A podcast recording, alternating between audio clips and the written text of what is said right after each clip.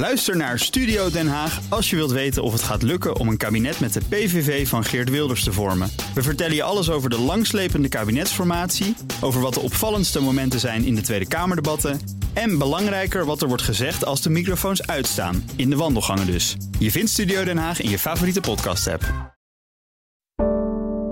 Een goedemorgen van het FD. Ik ben Elfanie Toulaar en het is woensdag 12 april.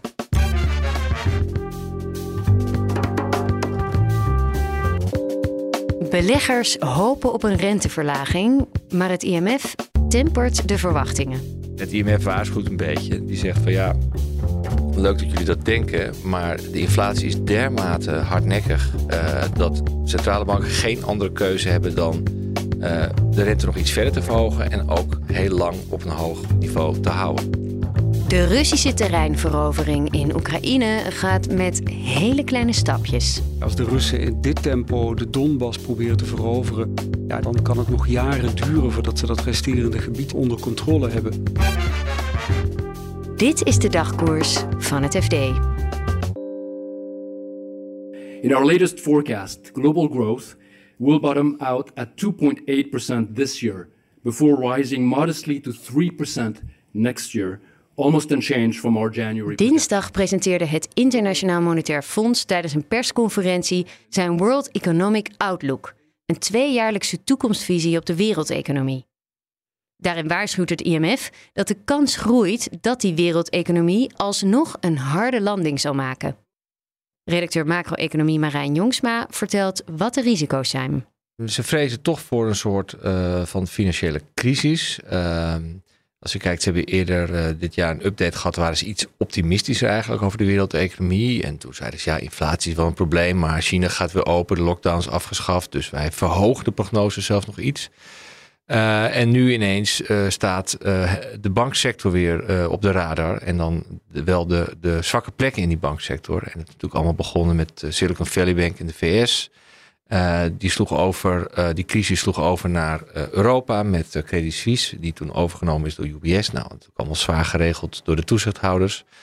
Um, en die perikelen hebben alles te maken met het tempo waarin centrale banken de rente hebben verhoogd om de inflatie te bestrijden. Dus dat is in korte tijd gigantisch snel omhoog gegaan. Ja. Dus de pleister op de ene wond heeft een andere wond veroorzaakt? Kun je ja, je zou, je zou kunnen zeggen het is een soort medicijn met hele ernstige bijwerkingen. En die bijwerkingen die zitten dan vooral in uh, plekken in de economie waar veel schuld is, zou je kunnen zeggen. Um, en ook plekken waar, uh, in dit geval bij banken bijvoorbeeld, die hebben zwaar belegd in allerlei obligaties. Nou, die hebben een bepaalde waarde. En als dan de rente stijgt, dan zijn die bestaande obligaties worden minder waard.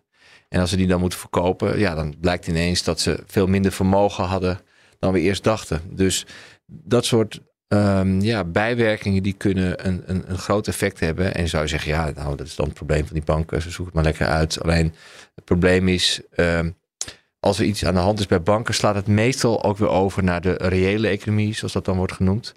Uh, want als banken problemen hebben, dan komen ze zelf moeilijker aan geld. Nou, dan gaan ze wat voorzichtiger worden met uitlenen betekent dat bedrijven, huishoudens minder makkelijk aan geld komen. En uiteindelijk kan dat ook leiden tot een uh, lagere economische groei. Nou, als dat een beetje het geval is, niet zo erg, want dat is precies wat centrale banken nu willen. Hè? Uh, om die inflatie naar beneden te krijgen. Maar als dat uh, te snel gaat, dan is de schade zeg maar, erger dan het medicijn, dan de kwaal. De aanvankelijke kwaal, namelijk de inflatie. En dan, ja, dan gaat het IMF, IMF zich zorgen maken. Ja, IMF kijkt naar de hele wereld. Uh, hoe gaat het met Europa? Europa is uh, toch een beetje een achterblijven, net zoals de, de meeste ontwikkelde landen zou je kunnen zeggen. Um, in economisch opzicht ontwikkelde landen, haast ik maar te zeggen. Um, en uh, dan zie je dus dat die groei een beetje zo uh, ja, richting de 1% gaat. Uh, anderhalf procent voor ontwikkelde landen als geheel. En Europa blijft er nog wat bij achter. Hoe komt dat? En Nederland doet het eigenlijk relatief goed overigens. Ja, ja hoe dat komt. Um, ik denk ook dat het een beetje de naweeën zijn van het herstel. We hebben een hele sterk herstel gehad na de coronacrisis. En nu blijft het wat achter. Um, en het is natuurlijk altijd zo dat opkomende markten sneller groeien. Dat, dat is gewoon een feit. Als je zeg maar, van een laag niveau komt, kun je, ook, kun je ook harder groeien. En op een gegeven moment wordt het steeds minder. Ehm, en dat is ook een beetje wat het IMF schetst voor de, ja, voor de middellange termijn. Uh, een, veel lagere groei voor de wereld als geheel. En een van de verklaringen die ze daarvoor hebben is dat ehm, grote groeiers uh, zoals China, Zuid-Korea, landen die jarenlang enorme groeicijfers hebben laten zien. Ja, dat worden zo langzamerhand volwassen economieën. Um, en je kunt natuurlijk niet verwachten dat die maar in dit soort tempo, tempo's blijven doorgroeien. Dat is onmogelijk. Dus dat betekent ook dat je wereldeconomie als geheel wat minder hard uh, gaat groeien. Ja, en je zegt Nederland doet het eh, ten opzichte van andere Europese landen nog relatief goed. Ja. Hoe komt dat? Ja, we zitten eigenlijk altijd uh, er een beetje boven. We, hebben ook, uh, we kwamen ook sneller uit de coronacrisis. Een van de verklaringen is mogelijk dat we een, een, een sterk exportgeoriënteerde economie hebben. Dus als bepaalde landen zoals China weer hard groeien, dan doen we daar altijd vrolijk aan mee. Maar wat denk ik ook heel erg belangrijk is, dat we een vrij flexibele arbeidsmarkt hebben. Dus we, we kunnen snel, zeg maar, uh, bedrijven kunnen snel weer mensen krijgen. Uh, en ook weer snel ervan af als dat willen. Dat zijn allemaal dingen die, die enorm omstreden zijn inmiddels hier, hè, met ja. ZZP'ers en, en dergelijke. Maar die zorgen er wel voor dat je economie eigenlijk heel flexibel en, en dynamisch is. Beleggers handelen ook vanuit uh, bepaalde, een bepaalde visie op de, hoe de macro-economie zich zal ontwikkelen. Strookt die een beetje met wat het uh, IMF nu voorspelt? Nou, je zou kunnen zeggen dat beleggers al een tijdje wat, wat somberder zijn in die zin dat ze verwachten dat die hoge uh, rente, hè, de snelle rentestijging, dat die tot, tot brokken gaat leiden. In ieder geval de economische groei dermate gaat drukken dat de centrale banken op een gegeven moment weer op hun schreden gaan terugkeren. En dan gaan ze zeggen van ja, we, we hebben nu genoeg gedaan. Misschien kunnen we de rente nog een tijdje op dit niveau houden. Dan gaan we alweer verlagen. Um, en het IMF waarschuwt een beetje. Die zegt van ja, leuk dat jullie dat denken, maar de inflatie is dermate hardnekkig uh, dat centrale banken geen andere keuze hebben dan uh, de rente nog iets verder te verhogen en ook heel lang op een hoog niveau te houden. En ze verwachten zelfs dat de inflatie um, in de landen en de valutazones zoals de eurozone uh, pas in 2025 weer terugkomt naar het nagestreefde niveau. Nou, in de eurozone is dat 2%. Dat betekent dus dat je nog anderhalf jaar met een veel te hoge inflatie zit. En ja, en als dat het geval is, zegt het IMF, dan kun je niet verwachten dat de centrale banken hun beleid weer gaan versoepelen. Beleggers kunnen dat wel verwachten, maar wij verwachten dat niet. Met het Russische offensief in de Donbass schiet het niet erg op. De grootste strijd speelt zich af in de stad Bakhmut. De Russen winnen daar langzaam steeds meer terrein, maar lijden tegelijkertijd grote verliezen. En dat is volgens redacteur Jean Dome te danken aan het sterke Oekraïense verzet. Wat de experts vertellen is dat het Russische leger uh, aanval na aanval uitvoert. Dat kost ontzettend veel doden. En die aantallen, dat, dat blijft vaag. We hebben daar geen concrete telling moeten bij gehouden. Maar het moet om vele duizenden en duizenden doden uh, gaan die daar in de, de afgelopen circa acht maanden zijn gevallen. En ja, wat je ziet is dat de Russen eigenlijk niet heel veel opschieten je moet even terug voor de luisteraars. Na die mislukte aanval op Kiev, dat kunnen we ons nog herinneren, in het begin van de oorlog. Op een gegeven moment hebben de Russen besloten, we moeten het over een andere boeg gooien. En we willen de Donbass veroveren. Dat zijn twee oblasten, twee regio's, Luhansk en Donetsk. Nou, van die uh, oblast uh, Luhansk hebben ze 95 procent, misschien zelfs iets meer in handen. Maar met name van die zuidelijke oblast, waar ook Bakhmut ligt, hebben ze pas 60 procent in handen. Mariupol bijvoorbeeld. Maar een, een, een flink deel nog niet. En de New York Times heeft een kaart gebracht wat ze sinds 1 januari hebben veroverd van dat gebied. Nou, dat zijn twee dorpjes met een paar honderd inwoners. Dat is het stadje Soledar. Dat had voor de oorlog, daar staat nu geen steen meer overeind, 10, 11.000 inwoners. En Bakhmut, dat, heeft, dat had voor de oorlog ongeveer evenveel inwoners als Gouda. Ze zijn dus al acht maanden bezig om, om Gouda in, hè, in, in, in, uh, in de oblast Donetsk te veroveren. En het is nog steeds niet helemaal gelukt. Het zal ze wel gaan lukken uiteindelijk. Maar er is dus een enorme hoeveelheid mensen en materieel is daar samengebald, wordt vastgehouden ook door de Oekraïners. In het begin was het in ieder geval zo dat Oekraïne rekende en zei ja, het kost de Russen, wij verdedigen. En het kost een aanvaller altijd veel meer soldaten, zeg maar. Die, die, die betaalt met heel veel doden om die aanval uit te kunnen voeren. Je hebt minder verdedigers nodig. Dus voor Oekraïne was dat een manier om het Russische leger uit te dunnen. Dat is aardig gelukt, hoewel Oekraïne ook zware verliezen heeft geleden. Ja, want wat is de impact op het Oekraïense leger? Oekraïne bereidt zich voor op een groot offensief. Er komen heel veel westerse wapens vloeien het land in. Dat wordt ergens in de komende twee maanden verwacht. Het lenteoffensief. Het grote ja, voorjaarsoffensief. En dan moet zeg maar, je ziet nu nog heel veel modder. Hè. De, de, de vorst is uit de grond aan het verdwijnen. Maar je ziet dat heel veel materieel blijft vastzitten. Dus dat moet een beetje voorbij zijn. Je moet er wat beter doorheen kunnen rijden, ook met die nieuwe tanks. Daarvoor zijn troepen getraind. Dus heel veel materiaal wordt verzameld op dit moment.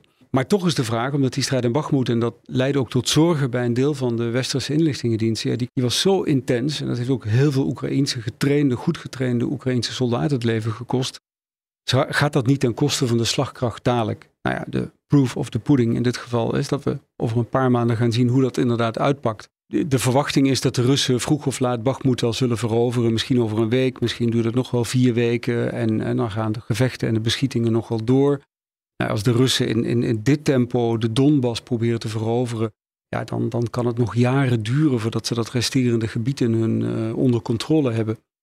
Alle aandacht gaat eigenlijk uit naar het grote Oekraïnse tegenoffensief met, nou ja, westerse tanks. De vraag is dan weer hoeveel. Circuleren allerlei geruchten over ook nog redelijk experimentele wapens, om bijvoorbeeld door de, de Russische mijnenvelden te kunnen gaan, dat die zullen worden gaan ingezet. ingezet. En de vraag is ook, nou ja, hoeveel is er aan slagkracht over?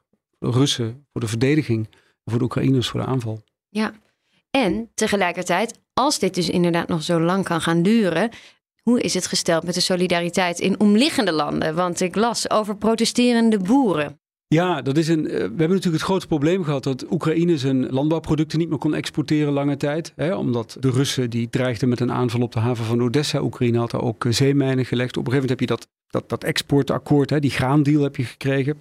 Na bemiddeling van de VN en Turkije. Dat leidt ertoe dat in ieder geval meer graan nu ook over zee en ook mais trouwens, daar gaat het ook om, over zee via de Zwarte Zee uh, naar de rest van de wereld kan worden geëxporteerd. Het, was ook, het doel was om Afrika en het Midden-Oosten, die daar met name onder leden, onder dat wegvallen van die export, om die alsnog van voldoende voedsel te kunnen voorzien, om hongersnood te voorkomen. Maar deel gaat nog steeds over land via treinwagons en vrachtwagens. En gaat dan door Polen en Roemenië vooral. Polen gaat het dan, als het goed is, naar de, naar de, de Oostzeekust, naar plaatsen als Gdansk. En in Roemenië gaat het naar havens als uh, Constanza. Maar wat opvalt is dat de afgelopen maanden zijn eigenlijk steeds meer geluiden dat dat graan ook op de Europese markt terechtkomt. Nou, als er meer graan op de Europese markt terechtkomt dan in het verleden, dan zet dat de prijzen onder druk. En je ziet dat daarover ergernis ontstaat. Ik zag een filmpje voorbij komen van beelden die ons bekend voorkomen in Nederland. Boos boeren met een tractor. Mm. Nou, die hebben ze in Roemenië ook. En daar reden die tractoren naar de grensovergang in het uh, noordoosten van het land. Waar een deel van dat graan ook, uh, van die producten binnenkomen. Dus je ziet dat die ergernis daarover groeit. En dat is natuurlijk wel een risico. Dat geldt eigenlijk voor, hè, tot nu toe moet je eigenlijk zeggen dat Europa een verrassende eenheid heeft laten zien. Meer dan we misschien wel gehoopt hadden en gedacht hadden. Als het gaat om die solidariteit met Oekraïne. Maar wat je ziet is dat dat, nou ja, daar zitten broze kanten aan. En de Nederlandse regering was bijvoorbeeld bang dat Nederlanders door die stijgende energieprijzen, hè, dat er onvrede zou ontstaan, speelden meer landen. Vandaar die subsidieregelingen, dat prijsplafond dat we nu hebben. Ook om te voorkomen hè, dat, er, dat, dat het volk gaat morren. Ook, ook deze boeren, dat is natuurlijk ook een risico. Je hebt veel boeren in Roemenië en ook in Polen. Dus je zou er goed aan doen om te voorkomen dat dat gaan inderdaad ja, als een beetje op de Europese markt komt, is dat niet, uh, niet zo'n ramp. Maar je moet, het doel is echt van die export om dat naar de derde wereld en door te voeren. Landen in het Midden-Oosten te krijgen. Precies, om het door te voeren. En daar moet je denk ik wel op letten, want we kunnen ons dat denk ik nog steeds niet permitteren dat er scheurtjes gaan ontstaan in die solidariteit.